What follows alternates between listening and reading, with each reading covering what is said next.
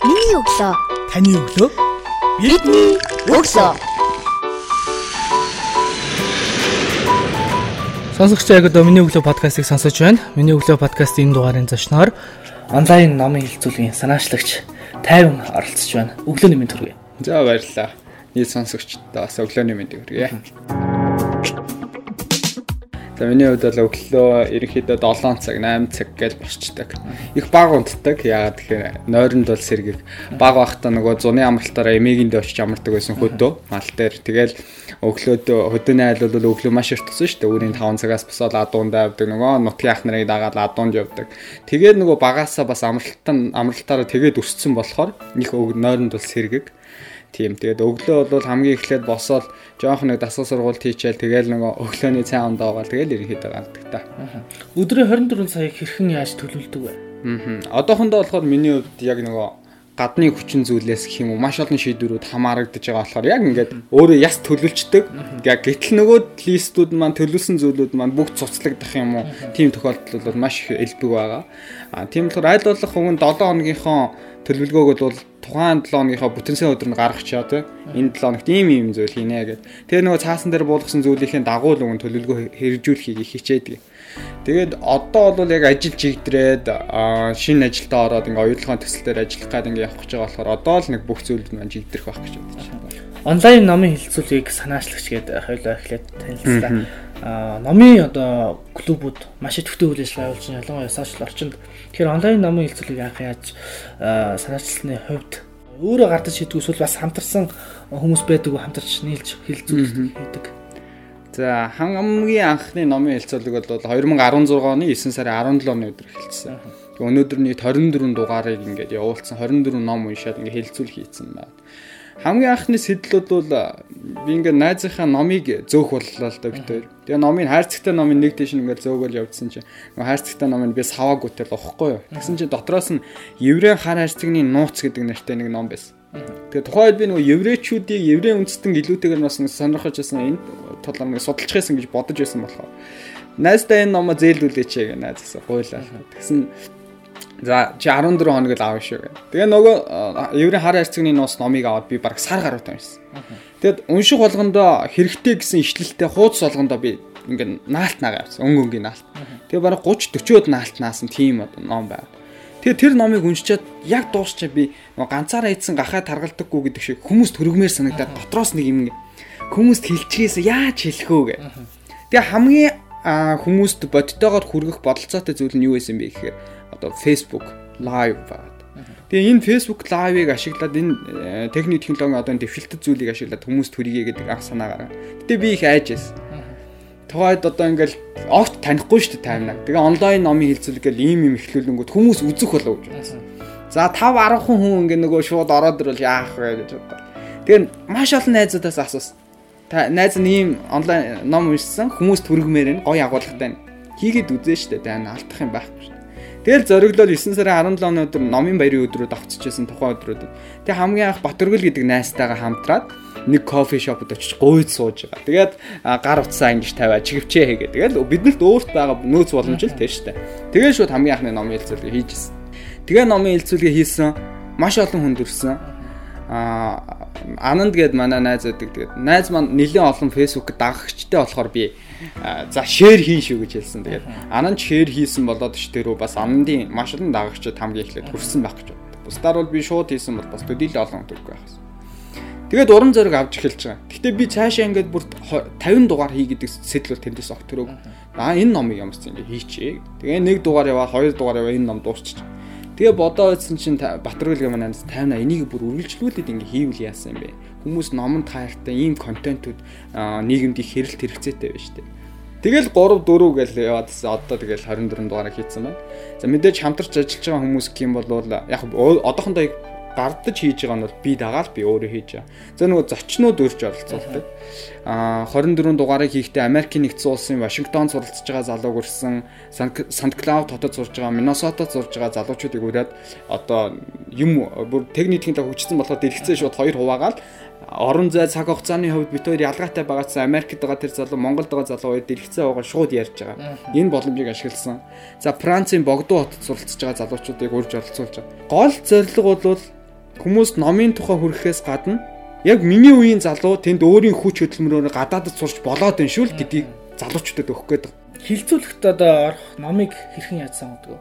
Би шууд өөрөө сонгоч. Өөрөө сонгодог. Аа, ерөнхийдөө дан хувийн хөгжлийн ном сонгож байгаа. Уран зохиолын ном сонгочоор бас хилцүүлэг ингээд хийхээр бас нэлийн төвхтэй байна. Тийм болохоор нөгөө арай нэг бодит жишээнүүдтэй зүйлүүдийг аваад ингээд хувийн хөгжлийн номуудыг л аваад явчихж байгаа. Нэвтрүүлэх манаас хувийн хөгжлөгөө ярьсныхаа залуучуудыг бас хэрхэн яаж өөрийгөө хөгжүүлэх тал дээр зөвлөө өгдөг орсон зочд маань. Тэгэхээр хувийн хөгжлийн хамгийн чухал 3 чадвар гэвэл 51% ямар 3 чадварыг нэрлэх вэ? Хувинд байх ёстой. Зуршил авах хэрэгтэй болов. Зуршлыг бол өөртөө сайн бий болгоод түүнийгээ бол дагаж мөрднө гэдэг үл энэ бас нэг том ур чадвар байна. Зүгээр хүмүүс нөгөө зуршлыг бий болгочоод хэдэн хоног хийж үзчихэл за болиё гэж хайчтай. За зуршил нэгдүгээр тонжул. Хоёр дахь ур чадвар бол их тийм шинийг санаачилдаг. Бүтээлч юм. Бүтээл сэтгэлгээтэй. Гой санаачлагч ямар нэгэн хүнтэй яриа сууж байгаа гой санаа гарах юм бол тэр санааг цаасан дээр буулгаж яваа. Тэгээ айл болох дараа нь хэрэгжүүлэн ингээд оролдоод үсгэл анх хэрвээ би номын хэлцүүлгийг ингээд эхлүүлээгүй хүмүүсээс айгаа те хүмүүс юу гэж бодох бол та. За одоо нь тайвнаал лайв хийх нь дутажтэй гэдэг байдлаар хүмүүс хандах болов айж исэн үнэ гэхэд. Тэгээд би эхлээг бол өнөөдөр би 24 дугаар яваад энэ олон хүмүүст хэрэгтэй зүйлийг би дүгэж чадах байсан. Тэр бүтээл сэтгэлгээ гэдэг нэг зүйл. Гурав дахь зүйл нь бол мэрэгчлийн ур чадвар байж болно. Одоо сүүлийн үед би мэрэгчил дээр илүү төвлөрч акта мэрэгжлийнхээ төвшөнд бүр илүү гүнзгийрүүл судлаа гэж бодоод. Мэрэгжлийн орч зур, гурван орч зур, зуршил, бүтээл сэтгэлгээ, бүтээл сэтгэлгээ, мэрэгжлийн орч чадвар. Тэгээ бүтээлд бол шинээ санаачлах, тийм бүтээлч байх энэ бүх зүйл байгаа. Энэ тэгээд гой санаа орох юм бол зөрөгтэй хийгээд үзлээ. За алдах юм байна. Алдах юм байна. Амьдралаас хүмүүс маш олон зүйлээс энгийн нэг зүйлээс шийдэв юм. Хин нэгний хараагүй зүйл одоо хин нэгний үед агуу зүйл байдаг. Хин нэгний зүгээр өчүүхэн зүйл нь зарим хүний хувьд бол аюул чухал зүйл байдаг ч юм уу те. Тэгэхээр урам зориг их олон зүйлээс авдаг байх л та. 51% ямар зүйлээс хамгийн их урам зориг авдаг вэ? Сүүлийн үед бол би номноос авч. Аа хүмүүстэй бас ярилцах бол нэг том давуу тал байдаг. Одоо жишээ нь гадаадд сурж байгаа найзууд юм уу, гэр бүлийнхээ хүмүүстэй юм уу, жоох асуудал тулгарчвал ярилцахад бас тодорхой хэмжээний урам зориг авч байна. Аа асуудал шийдэгдэж чадахгүй ганцаараа жоох ингээд бухимдаад ч юм уу нөгөө асуудалд орооцолтоод байж байгаа тохиолдолд бол би яг тухайн асуудлыг яаж шийдэж чадах уу гэдэг номын лолоод уншчихыг хичээд. Тэгээ нөгөө номыг уншчихаар тухайн 7 хоногтой ч юм тухайн өдөртөө нэлээд ирчвчтэй явдаг шүү. Тухайн ном дээр гарч гарч байгаа тэр хүмүүсийн жишээ те тэр хүнд амьдралыг туулаад яаж тэр хүнд амьдралаас борч ирсэн те тэр хүмүүсийн ингээд бодит амьдралынхаа туршлагаас харангууд би яагаад бас болохгүй гэдэг урам зориг авдаг ч юм уу. Тэгээ номноос л ер нь хамгийн их урам зориг авч байна да. Тэгэхээр яг бидний сонсож байгаа залуучууд өглөө босоод магадгүй яг одооноос өөрийгөө хөгжүүл энэ зуршлыг бий болгоо өөртөө бий болгоё гэд эрэг хандлагыг өөртөө бий болгоё гэвэл яг юунаас эхлэх ёстой бол 58 магадгүй хамгийн анх юунаас эхэлж исэн бэ? Өөрийгөө өөрчлөх сэтэл. Тэгээ одоо ямар ч асуудал жоохон тийм сөрөг сэтгэл ингээд бий болоод ингээд хоримтлагдаад ирэх юм бол Энэ бүхэн өөрөө цаг хугацааны асуудал гэж өөртөө бодох хэрэгтэй юм шиг. Альва зүйл цаг нь болохоор бүх зүйл яг ингээд эмх зэгстэй байр байранда ордог. А цаг нь болоогүй зүйлийг мянга ингээд хийх гээд хичээгээд тэр бас бүтэхгүй тохиолдол их байдаг. Аав юм нэлдэг ч үгүй. Миний хүүд болох юм бол болдгоо юм. А цаг нь бол цагаа хөрөхээр бол юм болдгоо юм. Гэхдээ нөгөө болох юм болно гэж амар өөдрөлөө эрэг сэтгэлээр юу ч хийхгүй тэгээ зогсоод зүтгэлгүй байгаад байж болохгүй тухайн зүйлийг хийх гээд бол өдөр болгон зүтгэх хэрэгтэй. Өдөр болгон л оролдоод үзэх хэрэгтэй. Би одоо жишээ нь шүтээсийн барилга архитектурын сургуулийн ингээд төгсчөөд барилгын инженер гэдэг мэргэжлийг төгсчөөд маш олон газар анкет өгсөн шүү дээ. Тэг тэр олон газар анкет бүгэлж ажилд орох гэж хичээсний үр дүнд өнөөдрийн би ажилдаа орцсон ингээд дуртай ажиллаараа хийх гээд ингээд явж байгаа. Тэгээ тухайн зүгээр цаг нь болохоор болно доо ажилд орно доо гэж би юу ч хийхгүй байгаадсан бол одоо ажилгүй л байгаад байгаа юм. Тэгэхээр бүх зүйл бол цагаа болохоор байр байранд ордог. Гэхдээ зогсолтгүйгээр өөрийгөө завгүй байлгах нь энэ өөрөө эерэг зүйлийг бий болгосон. Хүн завтай байхаараа л нөгөө сөрөг зүйлийг бодоод эхэлдэг юм шиг санагддаг. Болж идэггүй зүйлээ боддог, өөрт байхгүй зүйлээ боддог. Тэр тэр нэг мөнгөтэй одоо надад талаас нь мөнгө алах гал стресстэй ч юм. Өдөр болгоно ингээд нөгөө төлөвлөгөөгөө шахаад би тэр нь тэг ингэн тэгж ном уншин ч гэдэг юм англи хэлэндээ бэлдэн ч гэдэг юм. Завгүй системтэй бий болгоч нэг л мэдэх нөгөө өдөр дууссан. Юу муу муухай юм санаашрах тийм зүйлгүй л дууссан юм шиг санагдав. Муу муухай зүйл бодох цаг. Бодох цаг байхгүй. Тэгэхээр завгүй ах чинь нэр юм бас риск сэтгэл юм чи. Яг яриан дундаас сая байгаа шүү. За за за за. Их олон зүйлийн тухай хоёлаа ярилцлаа. Тэгээ нэвтрүүлгийн төгсгөлд оролцсон одоо зочин болгон одоо залуучуудаа а уриалга хэлээд нэвтрүүлгээ төгсдөг. Яг одоо бидний залуус сонсож байгаа эдгээр залуучууд 51 зүгээс хэлэх уриалга. Яг одоо хэрвээ миний яриаг сонсож байгаа, бид хоёрын яриаг сонсож байгаа сонсогчд байх юм бол та гэрте хараад юм уу? Өөрийнхөө хувцсны шүүгэн дотор байгаа хувцаа нэг хараад үзээрэй Тэгээд би яг өөрийнхөө мөнгөөр худалдаж авсан хувцас нь яг хэдий төгрөгийн үн өртөгтэй байна. Та нэг үзээрэй. Хавар намар өмсдөг гутлынхаа ээлжийг үзээрэй. Хэдэн ширхэг гутал таагууртаа зэрэг худалдаж авсан. За тэгээд нухацтай үзснийхээ дараа та номын тавиур дээр нэг очиод үзээрэй. Номын тавиур байхгүй бол хамгийн сүүлд юм уу? За бүтэн ингээд өөрийнхөө амьдралын туршид худалдаж авсан номоо нэг үзээрэй Тэр номнуудаа гэхдээ хүн төрсөн өдрөөр нь бэлгэлсэн биш. Та өөрийнхөө халааснаас олсон орлогоос зорж очиод номын дэлгүүрээс очиод ном худалдаж авсан тийм номнуудаа тоолоод үзээрэй. За одоо тэгээ та энэ хоёрыг харьцуулаад байна. Та хэр их өөрийнхөө хувцс гадаад үзмжиндээ хэр их мөнгө зарцуулдаг юм байна вэ?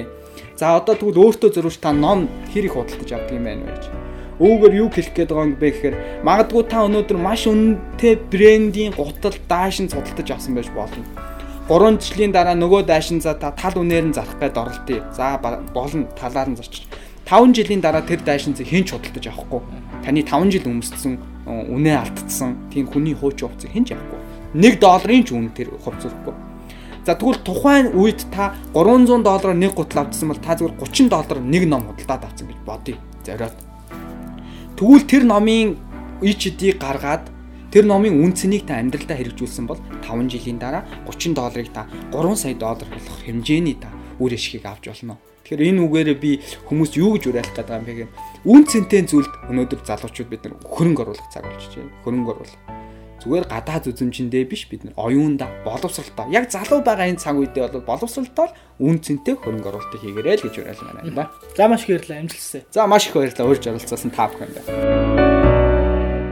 Сонсогч танд э, миний өглөө сурал подкастын шинэхэн дугаар хүрлээ. Өнөөдрийн дугаарын зочноор цахим номын хилцүүлгийн санаачлагч 50 оролцлоо.